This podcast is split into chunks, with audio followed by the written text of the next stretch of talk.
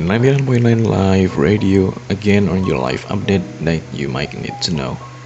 Hey, kembali lagi. Nih, ada informasi buat kamu yang tahu soal film terbarunya Jared Leto, Morbius, yang akan tayang tahun ini.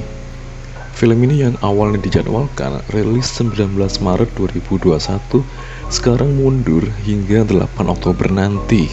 Waduh, um, keputusan Sony memundurkan film ini yang merupakan spin-off dari Spider-Man dan Venom itu ternyata udah ketiga kalinya nih. Bayangin aja coba, karena pandemi COVID-19 yang masih ada saat ini. Sayang banget ya.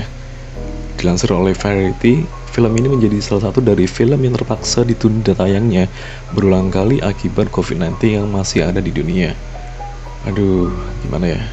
Makanya tuh, saling sadarkan kesehatan masing-masing ya daripada diundur terus nggak enak kali